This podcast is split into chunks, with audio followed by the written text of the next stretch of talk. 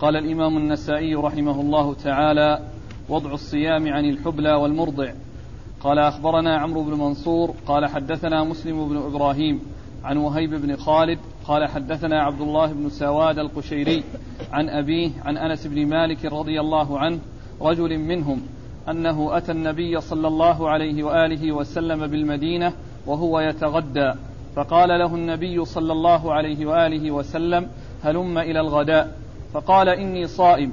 فقال له النبي صلى الله عليه وآله وسلم إن الله عز وجل وضع للمسافر الصوم وشطر الصلاة وعن الحبلى والمرضع. بسم الله الرحمن الرحيم. الحمد لله رب العالمين وصلى الله وسلم وبارك على عبده ورسوله نبينا محمد وعلى آله وأصحابه أجمعين. أما بعد يقول النسائي رحمه الله وضع الصيام عن الحبلى والمرضع. سبق أن مر الحديث الذي أورده النسائي هنا فيما يتعلق بوضع الصيام عن المسافر وهنا أورده للاستدلال به على وضع الصيام عن الحبلى والمرضع. وقد عرفنا أن الوضع المراد به هو عدم الإلزام به في الوقت. وليس المقصود أنه يوضع إلى غير بدل وأنه لا يؤتى به بل يوضع عنها في الوقت التي هي بحاجة إلى وضعه فهي غير ملزمة ولكن عليها القضاء. فهو وضع إلى غير بدل. وضع إلى بدل. الصيام وضعه وضع إلى بدل. وقد سبق أن مر أن المسافر أيضا يوضع عنه نصف الصلاة أي الرباعية وهو وضع إلى غير بدل. وأما بالنسبة للحامل والمرضع فالذي يتعلق بهما ويخصهما هو الصيام هو الذي يوضع عنهما. وأما نصف الصلاة فلا توضع عن الحائض عن الحامل والمرضع لأن وضع الصيام عنهما من أجل مراعاة مصلحتهما أو مصلحة الجنين أو الطفل الجنين الذي في البطن والذي هو بحاجة إلى تغذية وكذلك الطفل الذي يرضع وهو بحاجة إلى تغذية وغذاؤه من غذاء أمة. وغذاؤه من غذاء أمة. فإذا تغذت وأكلت حصل لجنينها التغذي تبعا لها. أما بالنسبة للصلاة فإنه لا علاقة لها أي الحامل لهما أي الحامل والمرضع بالوضع. لأن الوضع إنما هو للمسافر هو الذي وضع عنه الصيام ونصف الصلاة شطر الصلاة. وأما الحامل والمرضع فالوضع خاص بالصيام وهو وضع إلى إلى بدل.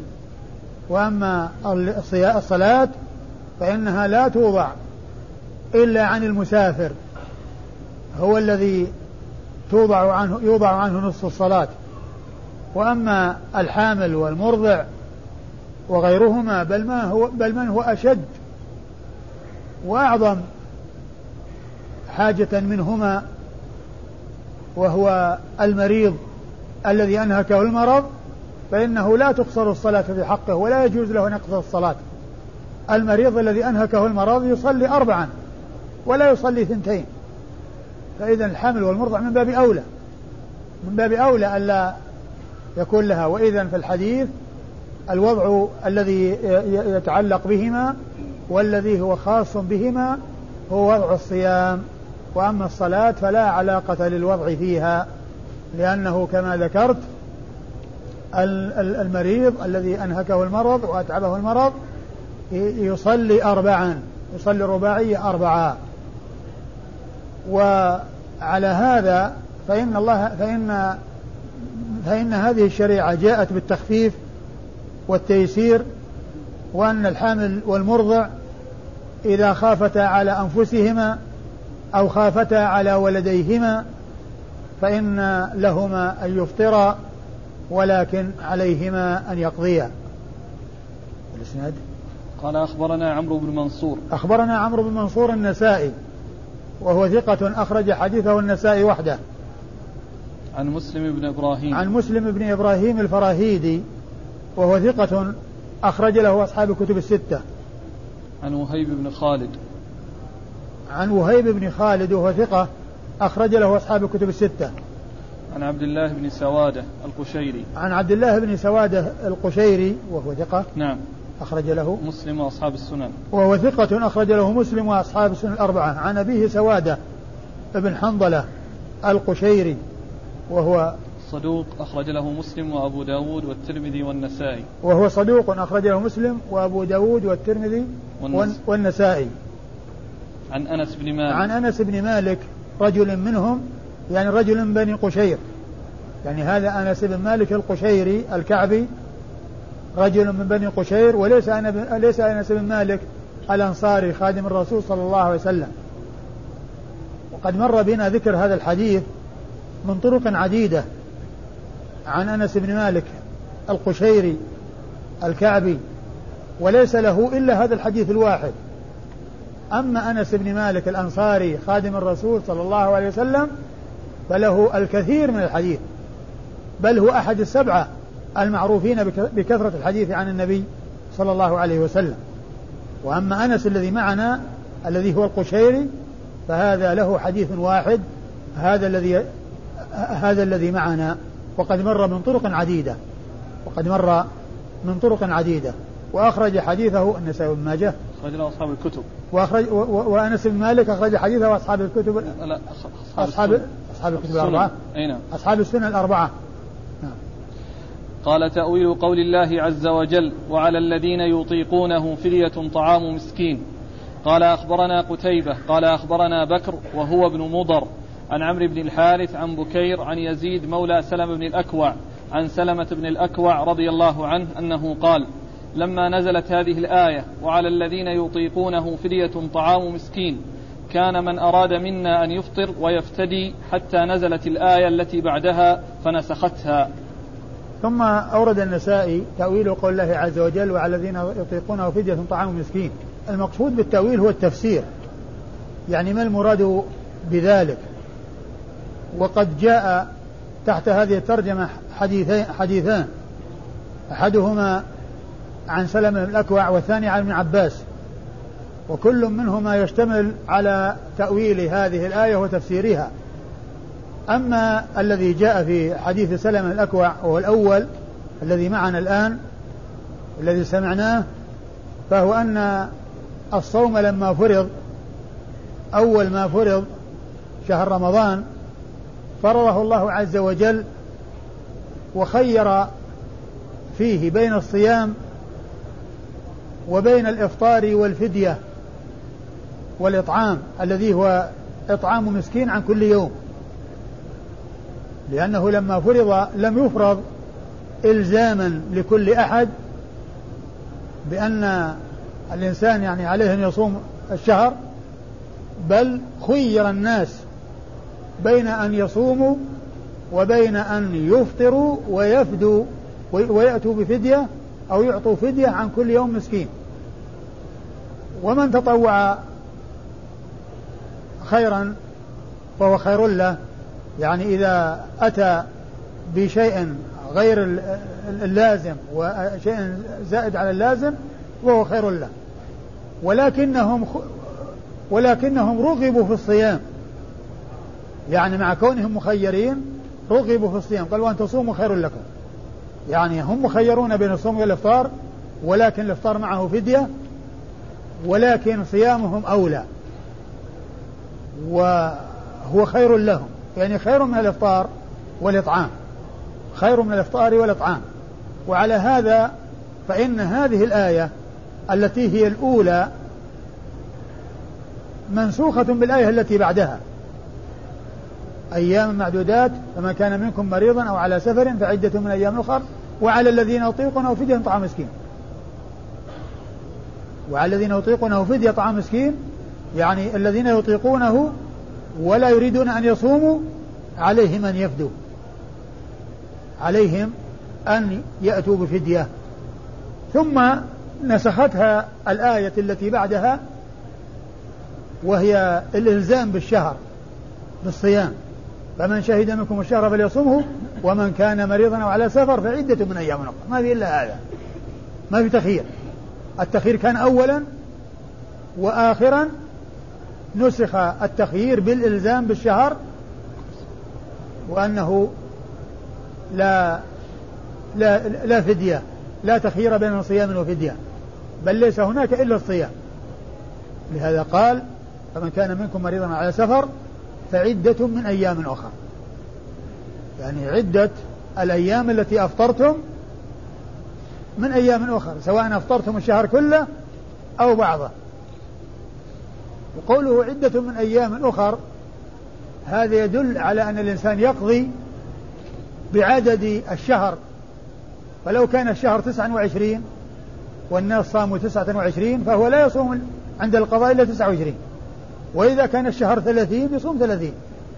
لأن الله تعالى يقول فعدة من أيام أخرى. يعني عدة الأيام التي آه، أفطرتم بها ورخص لكم في الإفطار بها عليكم أن تقضوها سواء أفطروا الشهر كله أو بعضه.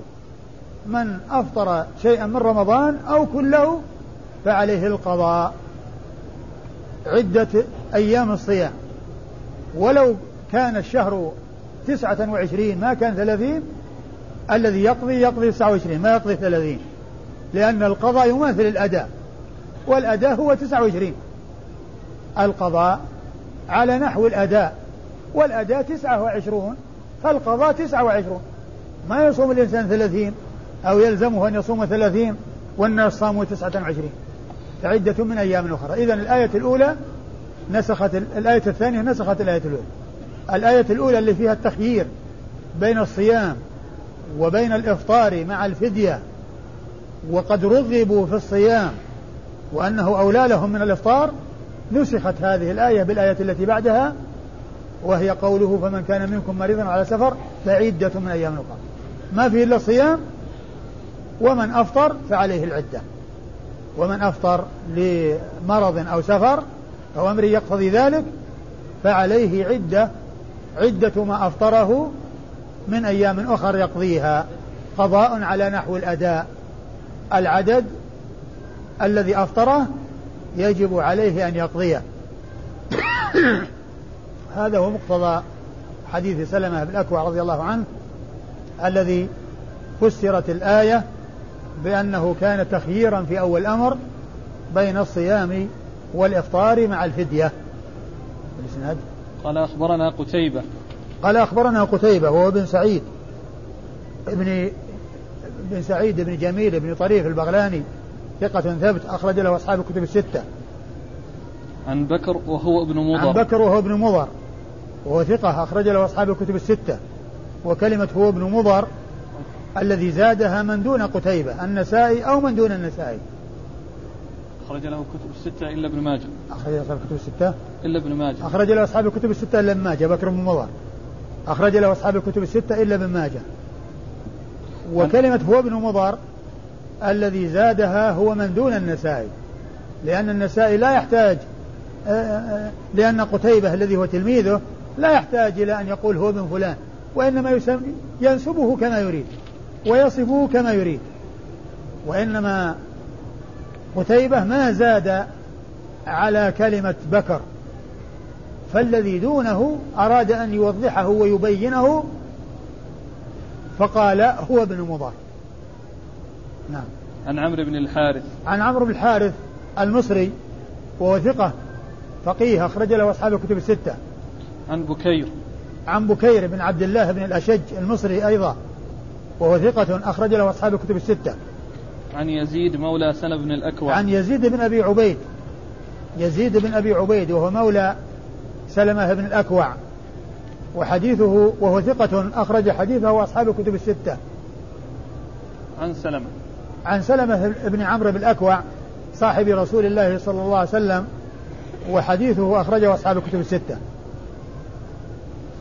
قال أخبرنا محمد بن إسماعيل بن إبراهيم قال حدثنا يزيد قال أخبرنا ورقاء عن عمرو بن دينار عن عطاء عن ابن عباس رضي الله عنهما في قوله عز وجل وعلى الذين يطيقونه فدية طعام مسكين يطيقونه يكلفونه فدية طعام مسكين واحد فمن تطوع خيرا طعام مسكين آخر ليست بمنسوخة فهو خير له وأن تصوموا خير لكم. ولا يرخص في هذا إلا للذي لا يطيق الصيام أو مريض لا يشفى. ثم ورد النسائي الحديث أو أثر من طريق أخرى أثر عن ابن عباس رضي الله تعالى عنه في تفسير هذه الآية وأن الآية ليست منسوخة بل هي باقية ولكن المراد بها الذي لا يطيق الصيام لكبره وهرمه أو لمرضه الذي لا يرجى برؤه. الذي لا يرجى برؤه فإن هذين لهما عليهما الفدية عليهما الفدية وهما لا يستطيعان أن يقضيا لأنه لا قضاء عليهما لعدم استطاعتهما وهما لا يستطيعان الصيام لا يستطيعان الأداء ولا يستطيعان القضاء. إما لهرم وكبر وعدم قدرة دائمة أو مرض لا يرجى برؤه.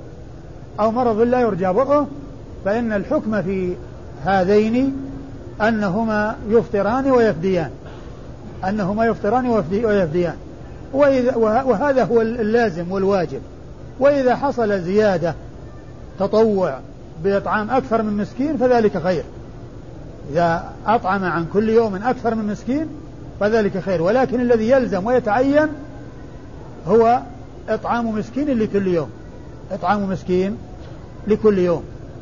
وقوله يطيقونه يعني هي يعني معناه يكلفونه. يعني آه يشق عليهم. لا يقدرون عليه. إما لهرم وتقدم سن أو مرض دائم مستمر لا يرجى برؤه.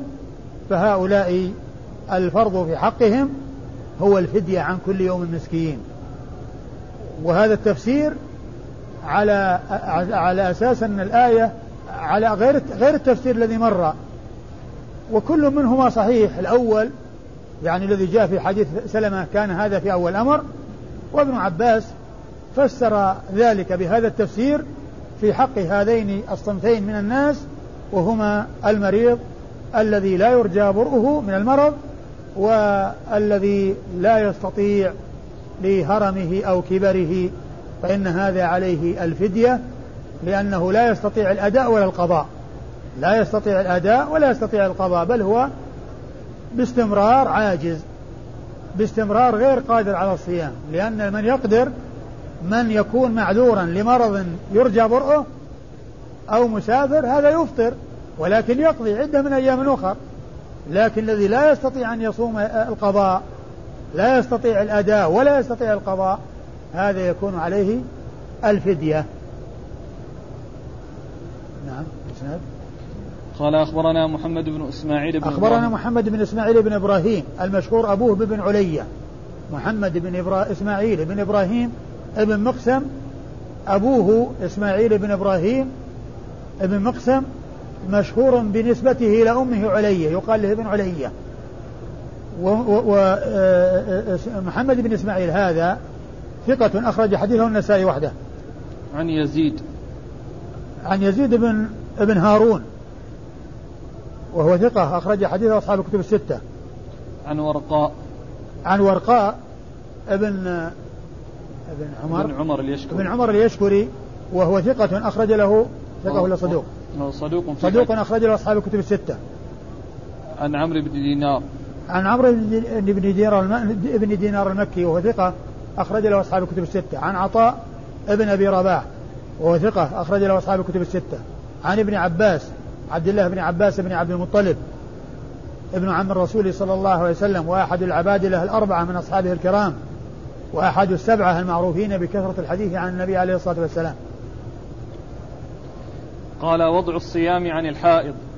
قال أخبرنا علي بن حجر قال أخبرنا علي يعني ابن مسهر عن سعيد عن قتادة عن معاذ العدوية أن امرأة سألت عائشة رضي الله عنها أتقضي الحائض الصلاة إذا طهرت؟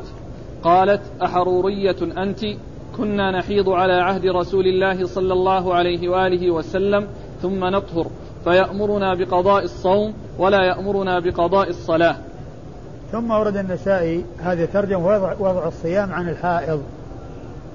أي كالذي مر وضع الصيام أي عدم الإلزام به في الوقت. بل لا يجوز فعله في حال الحيض. بل لا يجوز فعله في حال الحيض. هو وضع عنها ولا يجوز لها أداء مع ولو كانت قادرة عليه. ولو كانت قادرة عليه. بل يجب عليها الإفطار. ولا يجوز لها أن تصوم في حال حيضها. وقد وضع عنها أي آه وضع عنها الإتيان به في الوقت. وضع عنها عنها الإتيان به في الوقت بل ألزمت بعدم الإتيان به في الوقت. ولكن عليها القضاء. ولكن عليها أن تقضي إذا طهرت أن تقضي ما عليها في حال طهرها. وفي حال الحيض لا لا صيام لا صيام ولا صلاة. والصلاة إلى غير بدل والصيام إلى بدل. والصيام إلى بدل. و والحكمة في التفريق بين الصيام والصلاة لأن الصيام إلى بدل والإفطار والصلاة إلى غير بدل أن الصلاة تتكرر في اليوم والليلة خمس مرات. و آه، الصيام لا يأتي في السنة إلا مرة واحدة. والصيام لا يأتي في السنة إلا شهرا واحدا. فالله عز وجل أوجب ال ال ال على الحائض ألا تصوم ولا تفطر ولا, ولا, ولا تصلي ولكنها تقضي الصوم في من أيام في أيام أخر وذلك لأنه لا يأتي في السنة إلا مرة واحدة ولا يتكرر والصيام الصلاة لكونها تتكرر في اليوم والليلة خمس مرات الله تعالى أسقطها إلى غير بدل. أسقطها إلى غير بدل. لا تقضي المرأة الصلاة ولكنها تقضي الصيام. ثم أيضا الصلاة يعني تكون صلوات كثيرة. يعني مع كونها تتكرر هي كثيرة. جمع عليها أيام وكل يوم في خمس مرات. فهي جاءت الشريعة بعدم الإتيان بالصلاة وعدم الإتيان بالصوم في حال الحيض ولكن الصلاة تسقط إلى غير بدل والصوم يوضع عنها ولكن إلى بدل ولكن إلى بدل وهو القضاء. وقد أورد النسائي حديث عائشة رضي الله عنها وقد, وقد سألتها معاذة العدوية وهنا جاء في السؤال عن معاذة أن امرأة سألت عائشة وهي السائلة. كما جاء في بعض الروايات الصحيحة قالت قلت قالت معاذة لعائشة ما بال الحال تقضي الصوم ولا تقضي الصلاة؟ قالت أحرورية أنت؟ فقولها أن امرأة سألتها هي المرأة ولكنها أبهمت نفسها. ويأتي في بعض الأحاديث أن الرجل يبهم نفسه أو المرأة تبهم نفسها كما هنا. والواقع أنها امرأة. هي صادقة في قولها امرأة سألت عائشة هي امرأة. أو يقول الرجل بدل ما يقول سألت أو آه، يقول أن رجلا سأله هو رجل سأل. كلام صحيح. فهو يبهم نفسه. والمرأة تبهم نفسها أحيانا وهذا منه. هذا مثال من إبهام المرأة نفسها. يعني بدل ما تقول قلت قالت أن امرأة سألت عائشة وهي امرأة وهي التي سألت عائشة. فهذا إبهام إبهام الراوي نفسه أو إبهام السائل نفسه. فسألتها عن عن عن قضاء الحائض الصوم قالت أحرورية أنت؟ والمقصود بالحرورية نسبة إلى حرور حرورة. الذي الذي هو بلد كان فيه الخوارج الذين اجتمعوا في ذلك المكان وكان عندهم تشدد وتنطع. فهي لما قالت هذه المقالة قالت لها أحرورية أنت؟ أحرورية أنت؟ يعني ال ال الشيء الذي هم عليه والذي جاء الرسول الله صلى الله عليه وسلم أنهم يؤمرون ب آه، تؤمر النساء بقضاء الصوم ولا تأمر ولا ولا تؤمر بقضاء الصلاة. والعبرة هو اتباع ما جاء به الرسول صلى الله عليه وسلم. اتباع ما جاء به الرسول صلوات الله وسلامه وبركاته. وفي بعض الروايات ما بال الحائض تقضي الصوم ولا تقضي الصلاة. ما بالها. لماذا كذا ولكذا؟ والجواب هو أننا نؤمر بكذا والواجب هو الاتباع والتقيد بما جاءت به الشريعة. يعني عرفت الحكمة أو لم تعرف لكن إذا بحث عن الحكمة وعرفت يكون ذلك زيادة إيمان وبصيرة. وإن لم تعرف الحكمة فإن الواجب هو التمسك بالسنة والأخذ بها ولو لم تعرف الحكمة. ما يكون العمل بالدليل مبنيا على معرفة حكمته بل الواجب هو العمل بالنص ولو لم تعرف الحكمة. لكن إذا بحث عن الحكمة وتبينت فيكون ذلك زيادة بصيرة. وإن لم تعرف فإن ذلك لا يؤثر في, التق... في الالتزام ب... بما جاء به النص والعمل بمقتضاه بل لا بد من العمل. ولهذا عمر بن الخطاب رضي الله عنه وأرضاه لما جاء وقبل الحجر الأسود قال ما إني أعلم أنك حجر لا تضر ولا تنفع ولولا أني رأيت رسول الله صلى الله عليه وسلم يقبلك كما قبلته فهو يقبل اتباعا للنبي صلى الله عليه وسلم ولو لم يقبل النبي عليه الصلاة والسلام ما قبلنا. فنحن نقبل اتباعا ولو لم يقبل النبي صلى الله عليه وسلم لم يحصل منا التقبيل للحجر الأسود نعم قال أخبرنا علي بن حجر أخبرنا علي بن حجر بن إياس السعدي المروزي ثقة أخرج حديثه البخاري ومسلم والترمذي والنسائي. عن علي يعني ابن مسهر. عن علي يعني ابن مسهر وهو ثقة ولا صدوق؟ ثقة.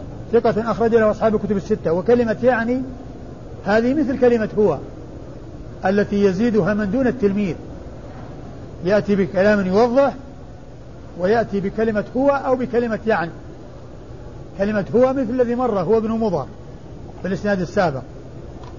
وهنا أتى بكلمة يعني بدل هو. وكلمة يعني هذه فعل مضارع. لها قائل ولها فاعل. ففاعلها ضمير مستتر يرجع إلى التلميذ. وهو علي بن حجر. وقائلها هو من دون التلميذ. قائلها هو من دون التلميذ النسائي أو من دون النسائي. فالذي قال كلمة يعني هو من دون التلميذ من دون علي بن حجر النسائي ومن دون النسائي. والفاعل في كلمة يعني وهي فعل مضارع ضمير مستتر يرجع إلى التلميذ الذي هو علي بن حجر. يعني أن النسائي من دونه قال يعني تلميذ علي بن مسهر وهو علي بن حجر آه أنه يعني ابن مسهر كلمة لأنه قال علي فقط وهو أي التلميذ يعني ابن مسهر يعني ابن مسهر. إذا كلمة يعني فعل مضارع له قائل وله فاعل فقائله من دون التلميذ وفاعله ضمير يرجع إلى التلميذ. عن سعيد. عن سعيد هو ابن أبي عروبة وهو ثقة أخرج له أصحاب الكتب الستة. عن, عن قتادة نعم. وهو ابن دعامة السدوسي البصري وهو ثقة أخرج له أصحاب الكتب الستة. عن معاذة. عن معاذة العدوية وهي ثقة أخرج حديثها أصحاب الكتب الستة. عن عائشة رضي الله عنها. عن عائشة أم المؤمنين الصديقة بنت الصديق رضي الله تعالى عنها وأرضاها التي حفظت الكثير من سنة النبي صلى الله عليه وسلم لا سيما ما يتعلق بأمور البيت وما يقع بين الرجل وأهله فإنها حفظت الشيء الكثير من السنة وهي واحدة من سبعة أشخاص عرفوا بكثرة الحديث عن النبي صلى الله عليه وسلم وهم ستة رجال وامرأة واحدة الستة هم أبو هريرة وابن عمر وابن عباس وابن وأبو سعيد الخدري وجابر بن عبد الله الأنصاري وأنس مالك. هؤلاء ستة رجال. والمرأة الواحدة هي عائشة رضي الله تعالى عنها وأرضاها. قال أخبرنا عمرو بن علي قال حدثنا يحيى قال حدثنا يحيى بن سعيد قال سمعت أبا سلمة يحدث عن عائشة رضي الله عنها أنها قالت إن كان ليكون علي الصيام من رمضان فما أقضيه حتى يجيء شعبان. ثم أورد النسائي هذا الحديث الذي فيه أن المرأة تقضي الصيام أنها تقضي الصيام. قالت إن كان يكون علي القضاء من رمضان فلا أستطيع أن فما أقضيه حتى فما أقضيه حتى يأتي شعبان. يعني ل ل ل لمكانها من رسول الله صلى الله عليه وسلم. وهذا فيه الدلالة على الترجمة. يعني كون المرأة يعني لا تصوم في حال حيضها ولكنها تقضي. يعني فهو يكون عليها القضاء من رمضان فما تقضيه إلا في شعبان. فما تقضيه إلا في شعبان. أي أن المرأة لا تصوم في حال حيضها ولكن عليها القضاء فهي تقضي. يقول أخبرنا عمرو بن علي. أخبرنا عمرو بن علي الفلاس. ثقة أخرج حديثه أصحاب الكتب الستة. بل هو شيخ لأصحاب الكتب الستة. عن يحيى. عن يحيى بن سعيد القطان. وهو ثقة أخرج له أصحاب الكتب الستة. عن يحيى بن سعيد. عن يحيى بن سعيد الأنصاري المدني وهو ثقة أخرج له أصحاب الكتب الستة. عن أبي سلمة. عن أبي سلمة بن عبد الرحمن بن عوف المدني وهو ثقة فقيه أخرج له أصحاب الكتب الستة. وهو أحد فقهاء المدينة السبعة في عصر التابعين على أحد الأقوال الثلاثة في السابع منهم. وقد عرفنا مرارا وتكرارا أن السابع من الفقهاء السبعة فيه ثلاث أقوال. قيل أبو سلمة بن عبد الرحمن بن عوف الذي هو هذا وقيل أبو بكر بن عبد الرحمن بن الحارث بن هشام وقيل سالم بن عبد الله بن عمر بن الخطاب. عن عائشة رضي عن عائشة رضي الله عنها وقد مر ذكرها. سبق أن مر بنا الحديث وذكرنا أنه لعل ذلك كان قبل أن يشرع يعني آه تلك الأيام التي آه آه شرع صيامها كالست كصيام ست من شوال. قال إذا طهرت الحائض أو قدم المسافر في رمضان هل يصوم بقية يومه؟ قال أخبرنا عبد الله بن أحمد بن عبد الله بن يونس أبو, حص أبو حصين. قال حدثنا عبثر قال حدثنا حسين عن الشعبي عن محمد بن صيفي رضي الله عنه أنه قال قال رسول الله صلى الله عليه وآله وسلم يوم عاشوراء أمنكم أحد أكل اليوم؟ فقالوا منا من صام ومنا من لم يصم. قال فأتموا بقية يومكم وابعثوا إلى أهل العروض فليتموا بقية يومهم. ثم ورد النسائي هذه الترجمة إذا إذا إذا طهرت الحائض أو قدم المسافر في رمضان. إذا طهرت الحائض أو قدم المسافر في رمضان فهل يصوم بقية يومه؟ نعم. فهل يصوم بقية يومه؟ آه المقصود من هذه الترجمة أن المسافر رخص له في الإفطار لسفره والحائض يلزمها أن تفطر وألا تصوم لحيضها. لكن إذا طهرت الحائض في أثناء النهار في رمضان واغتسلت طهرت في أثناء النهار والمسافر قدم من سفره وانتهى السفر وجاء إلى أهله في أثناء في أثناء النهار فهل يقضي بقي فهل يمسك بقية يومه؟ هل يصوم بقية يومه؟ نعم يصوم بقية يومه يمسك يمسك بقية يومه وليس له أن يأكل لأن الترخيص انتهى الذي الرخصة كانت للسفر والسفر انتهى. ما هو يعني وصل بيته ويأكل عند أهله وهم صائمون لأنه صار حاضرا ولم يت... وانتهى من السفر. فالإمساك بقية اليوم متعين لأن الترخيص صار لسبب ولو كان ذلك ذلك الإمساك يعني لا يفيده شيئا من حيث آآ آآ أن ذلك اليوم هو ملزم بقضائه. لكن حرمة الشهر وحرمة الزمن والوقت يعني والترخيص آه، السبب الذي من أجل حصل الترخيص انتهى فإذا يكون ممسكا. ومثل ذلك ومثل ذلك لو لو كان الخبر خبر دخول الشهر ما ظهر إلا في أثناء النهار. في أثناء النهار. يعني علم بأن الهلال رؤي البارحة ولكن ما علموا إلا بعد طلوع الفجر وبعدما خرج الفجر. فإنه يلزمهم أن يمسكوا بقية اليوم وعليهم القضاء. فالحائض إذا طهرت في أثناء النهار والمسافر إذا قدم في أثناء النهار وانتهى سفره ومثل ذلك خبر الشهر إذا جاء بعد دخول النهار فإن الواجب هو الإمساك. وعدم الأكل في نهار رمضان والإنسان حاضر مقيم. هذا هو المقصود من هذه الترجمة. الحديث إيش؟ عن محمد بن صيفي أنه قال قال رسول الله صلى الله عليه وآله وسلم يوم عاشوراء. أمنكم أحد أكل اليوم؟ فقالوا منا من صام ومنا من لم يصم. قال فأتموا بقية يومكم وابعثوا إلى أهل العروض فليتموا بقية يومهم.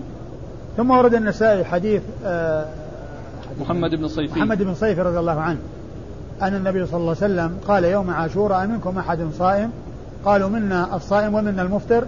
فأمرهم أن آه، يتموا بقية يومهم.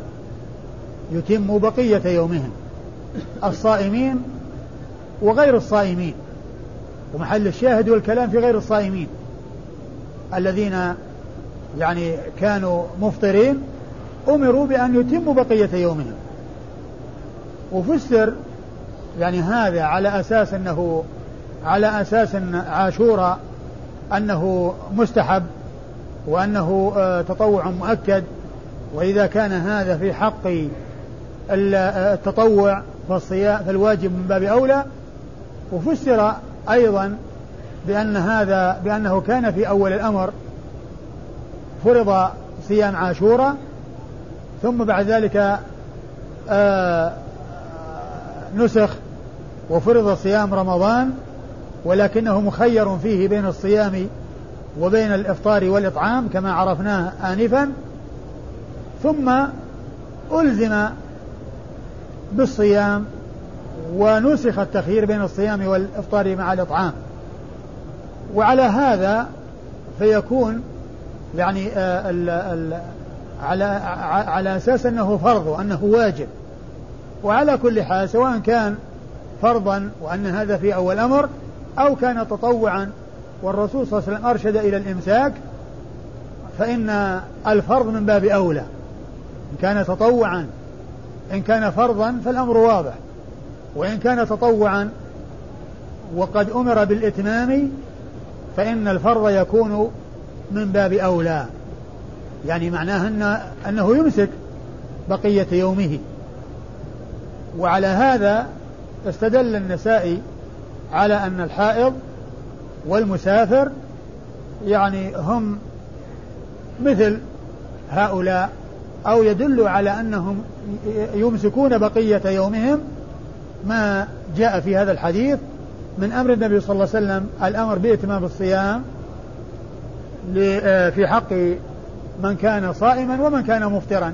من كان صائما يواصل ومن كان مفطرا يمسك بقية يومه.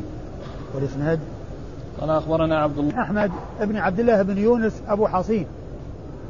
وهذا شيخ النسائي وهو صدوق أخرج حديث النسائي. ثقة أخرج وهو ثقة. أخرج الترمذي والنسائي. وهو, صد... وهو ثقة أخرج حديث الترمذي والنسائي. وهنا كما رأينا النسائي يعني ذكر شيخه وأطال في نسبه.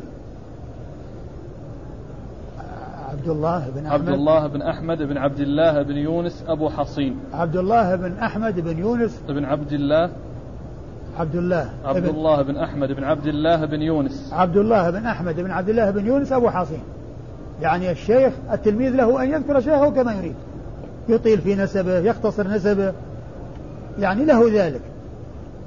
وإنما الذي ليس له ذلك هو من دونه وإذا أراد أن يأتي بشيء يوضح يأتي بكلمة هو أو بكلمة يعني. وهنا نرى أن النسائي أطال في ذكر نسب شيخه ونسبه. فال وهو ثقة أخرج حديثه الترمذي والنسائي. عن؟ عن عبثر. عن عبثر بن القاسم. عبثر بن القاسم وهو ثقة أخرج حديثه أصحاب الكتب الستة.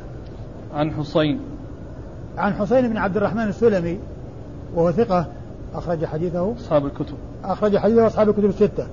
عن الشعبي. عن الشعبي عامر بن شراحيل الشعبي. ثقة فقيه أخرج حديثه أصحاب الكتب الستة. عن محمد بن صيفي. عن محمد بن صيفي صاحب رسول الله صلى الله عليه وسلم ورضي الله تعالى عنه وحديثه أخرجه النسائي وابن ماجه. نعم. وحديثه أخرجه النسائي وابن ماجه. صلى الله إليك. يلحق بالحائض والمسافر الكافر إذا أسلم والمجنون إذا أفاق والصبي إذا بلغ. لا شك. كل هؤلاء يلحقون. كل من وجب عليه يعني الصيام فإن عليه أن يمسك بقية اليوم. قال إذا لم يجمع من الليل هل يصوم ذلك اليوم من التطوع؟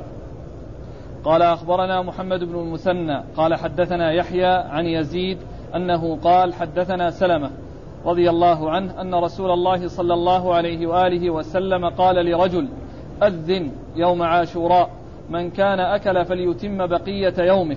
ومن لم يكن أكل فليصم ثم أورد النسائي هذه الترجمة إذا لم يجمع إذا لم يجمع النية. إذا لم يجمع من الليل. أيوه. هل يصوم ذلك اليوم من التطوع؟ إذا لم يجمع من الليل يعني إذا لم يعزم النية ويعقد النية يجمع العزم على الصيام من الليل فهل يتم بقية ذلك؟ فهل يصوم ذلك اليوم؟ هل يصوم ذلك اليوم من التطوع؟ فهل يصوم ذلك اليوم من التطوع؟ فهل يصوم ذلك اليوم من التطوع؟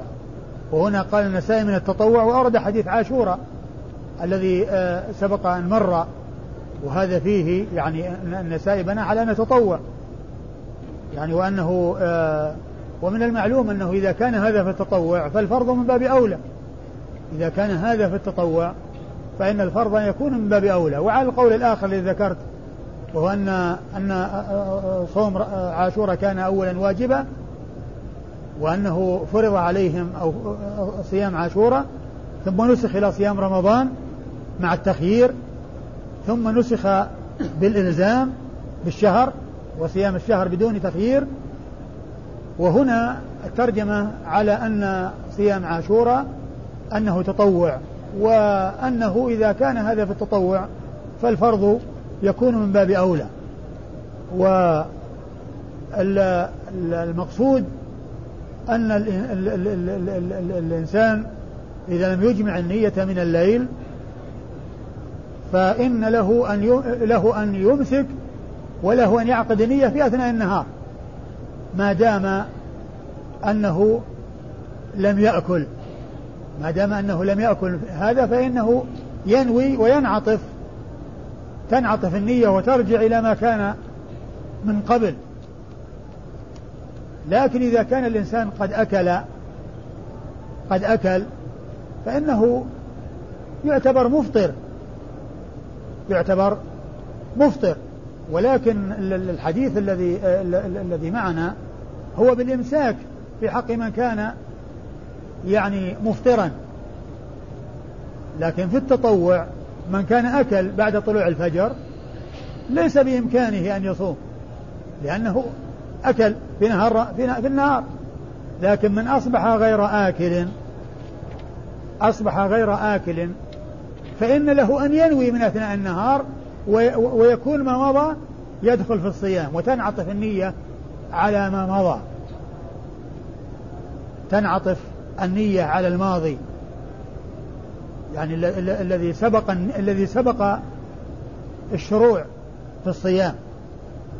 فيكون الذي مضى والذي يأتي كله داخل في النية. وهذا في النفل دون الفرض. أما الفرض فلا بد من نية من الليل. كما سيأتي في الأحاديث. لا بد بنية من الليل. ولهذا لو ما جاء الخبر في شهر رمضان إلا بعد طلوع الفجر. بعد طلوع الفجر. ولو كان الإنسان ما أكل شيء يجب عليه أن يمسك وعليه القضاء. يجب عليه أن يمسك وعليه القضاء. يعني أما بالنسبة للنفل فإنه إذا أصبح غير آكل ثم أراد أن يصوم له أن يصوم. وأما بالنسبة للفرض فلا بد من نية من الليل. ولا تكفي النية في أثناء النهار للفرض. لأنه لا بد أن تكون جميع أوقات النهار داخلة في النية والنية متقدمة وليست متأخرة. النية المتأخرة تنفع في النفل ولا تنفع في الفرض. فالفرض لابد من نية من الليل. والنهار والتطوع يمكن بنية من الليل وبنية من النهار. لكن بشرط أن لا يكون أكل. أما إذا كان أكل بعد الفجر لا سبيل إلى صيامه. لا سبيل إلى صيامه ولا إلى تطوعه لأنه ما يعتبر آه ما يعتبر آه يعني آه صائما النهار من أوله إلى آخره. إيش عن سلمة أيوة عن سلمة. أن رسول الله صلى الله عليه وسلم قال لرجل أذن يوم عاشوراء من كان أكل فليتم بقية يومه ومن لم يكن أكل فليصم من أكل فليتم بقية يومه يعني معناه أنه يعني يمسك ومن لم يكل ومن لم يأكل فليصم يعني إذا كان ما أكل فهو يصوم وتنعطف النية وهذا هو المقصود يعني إذا لم يجمع النية من الليل فإنه في التطوع يأتي بالنية في أثناء النهار ويدخل فيها ما مضى قبل النية وما بعد النية. يدخل فيها ما مضى قبل النية وبعد النية. والمقصود بأذن يعني أعلم الناس وأخبرهم. وقد مر في الحديث الذي قبل هذا آه إيش قال؟ و أهل العروض يعني. نعم. فأتموا بقية يومكم وابعثوا إلى أهل العروض فليتموا بقية يعني يومهم. معناها للعروض يعني الأطراف أطراف المدينة. يعني أطرافها ونواحيها والتي تتبعها يعني يبلغون بهذا الذي بلغوا به أهل بلغ به أهل المدينة. يبلغون بما بلغ, بلغ به أهل المدينة حتى يعملوا كما عملوا. أيوة. الإسناد؟ قال أخبرنا محمد بن المثنى أخبرنا محمد بن المثنى هو أبو موسى العنزي الملقب الزمن ثقة أخرج له أصحاب الكتب الستة بل هو شيخ لأصحاب الكتب الستة. عن يحيى. عن يحيى وهو بن سعيد القطان ثقة أخرج له أصحاب الكتب الستة. عن يزيد. عن يزيد وهو ابن أبي عبيد مولى سلمة في الأكوع وقد مر ذكره ثقة أخرج له أصحاب الكتب. عن, عن سلمة وقد مر ذكره. وأخرج له أصحاب الكتب. قال النية في الصيام والاختلاف على طلحة بن, عب... بن يحيى بن طلحة في خبر عائشة رضي الله عنها فيه. قال أخبرنا عمرو بن منصور. قال حدثنا عاصم بن يوسف. قال حدثنا أبو الأحوص عن طلحة بن يحيى بن طلحة عن مجاهد عن عائشة رضي الله عنها أنها قالت دخل علي رسول الله صلى الله عليه وآله وسلم يوما فقال هل عندكم شيء؟ فقلت لا. قال فإني صائم ثم مر بي بعد ذلك اليوم وقد وقد أهدي إلي حيس فخبأت له منه وكان يحب الحيس. قلت يا رسول الله إنه أهدي لنا حيس فخبأت لك منه. قال أدنيه أما إني قد أصبحت وأنا صائم فأكل منه. ثم قال إنما مثل صوم المتطوع مثل الرجل يخرج من ماله الصدقة فإن شاء أمضاها وإن شاء حبسها. ثم ورد النسائي النية إيش؟ النية في الصيام والاختلاف على طلحة النية في الصيام يعني المراد هنا في النية النية في الصيام يعني الذي أورده هنا ما يتعلق بالنفل الذي أورده يعني يعني في هذه الأحاديث التي أوردها الآن والتي آه، سمعنا أولها تتعلق بصيام النفل وهي أنها يمكن أن تكون من أثناء النهار كما سبقت الإشارة إليه. وأما بالنسبة للفرض فإنها لا تكون في أثناء النهار بل لابد أن تكون من الليل بحيث تكون النية سابقة لجميع الوقت. جميع الوقت ونية الصيام قد سبقته معناه عند طلوع الفجر أو قبيل طلوع الفجر يعني بحيث يكون من أول الصيام والنية موجودة. من أول الصيام والنية موجودة. أما إذا طلع الفجر ولم توجد النية فإنها لا تنفع أو لا لا ينفع صيام الفرض والحالة هذه لأنها ما وجدت النية في جميع أجزاء النهار من طلوع الفجر إلى غروب الشمس. يعني مضى جزء من من الوقت ليس فيه نية. والنية لا بد أن تتقدم في الصيام في صيام الفرض. ولا يلزم أن تتقدم في صيام النفل. والأحاديث التي أوردها بعد هذه الترجمة مباشرة هي تتعلق بالنفل. فعائشة رضي الله عنها تخبر أن النبي صلى الله عليه وسلم جاء وقال هل وكا عندك؟ وليس ولم يأكل شيئا. يعني جاء إليهم في النهار ولم يكن أكل شيئا من الليل بعد طلوع الفجر. فقالوا لا قال إني صائم. يعني يعني عزم على الصيام أو نوى الصيام. ولكنه سأل. يعني إذا كان في شيء سيأكل. ولكنه لم يجد شيئا فنوى أنه صائم فانعطفت النية على الماضي وعلى الم... شملت المستقبل وانعطفت على الماضي. وانعطفت عن ال... إلى الماضي من الزمن. قال إني صائم. ومعنى هذا أن النية ما وجدت في التطوع إلا في أثناء النهار. ما وجدت إلا في أثناء النهار. ثم جاءها أهدي لهم حيث فخبأت والحيث هو طعام مؤلف من تمر وسمن وأشياء أخرى كالأقط لكن فيه فيه التمر والسمن ومعها معه شيء آخر يضاف إليه. هذا يقال له الحيث.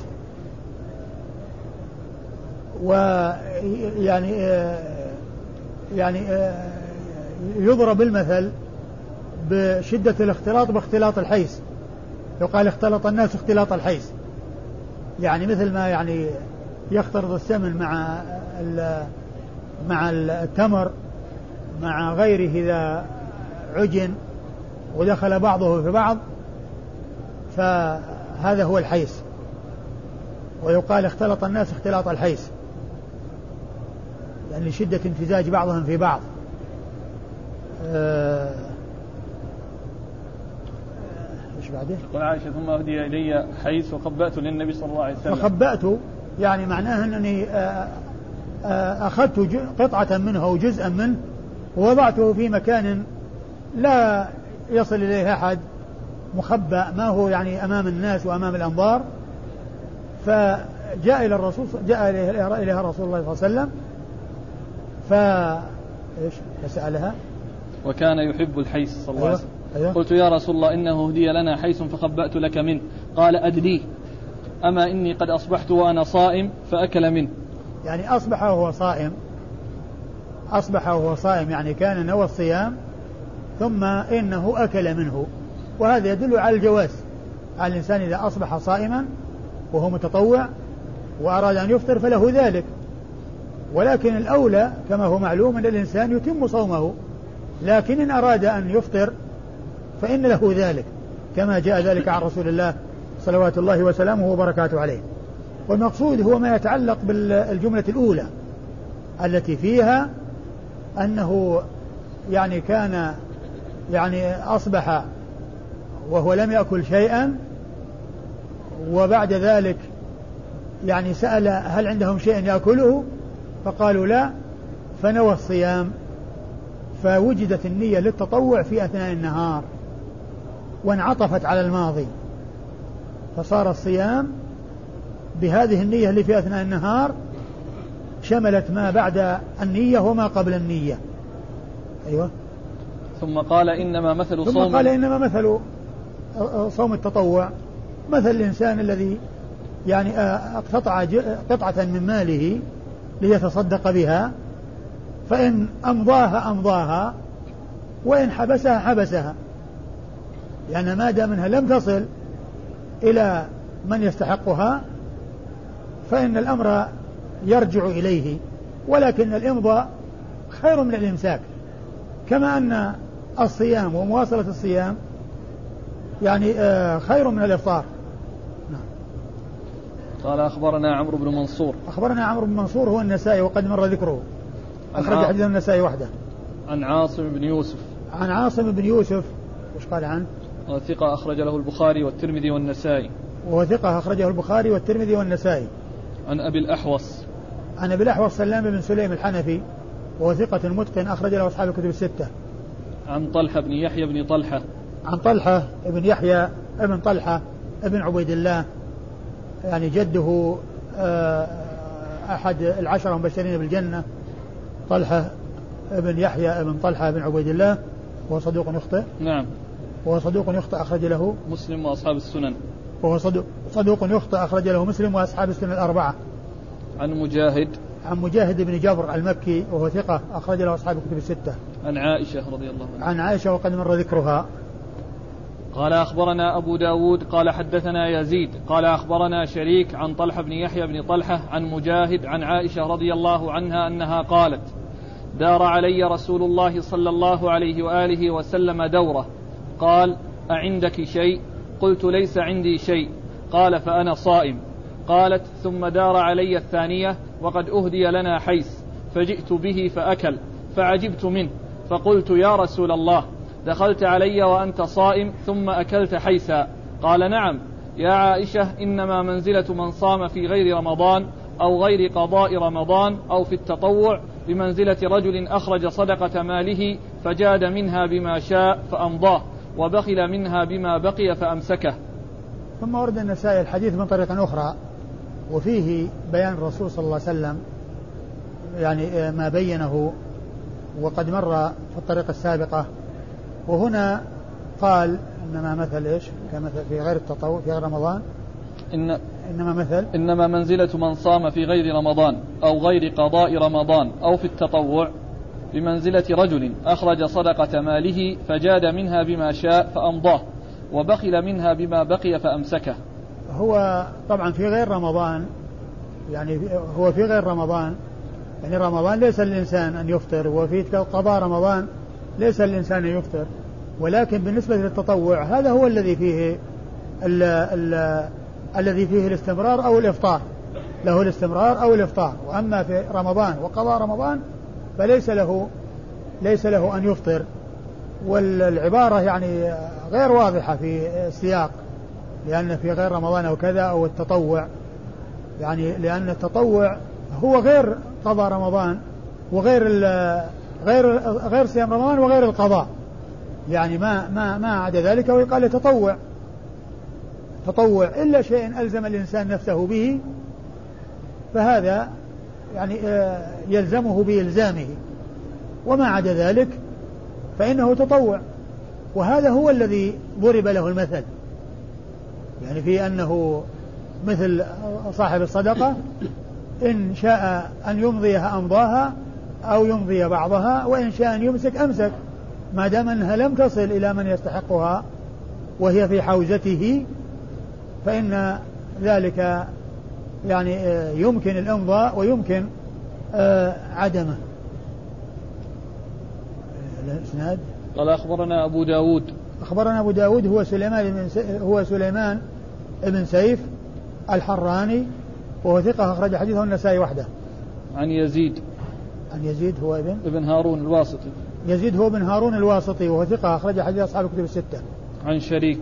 عن شريك بن عبد الله القاضي وهو صدوق يخطئ كثيرا وحديثه أخرجه البخاري تعليقا ومسلم وأصحاب السنة الأربعة. عن طلحة بن يحيى بن طلحة عن مجاهد عن عائشة. عن طلحة عن مجاهد عن عائشة وقد مر ذكر هؤلاء الثلاثة.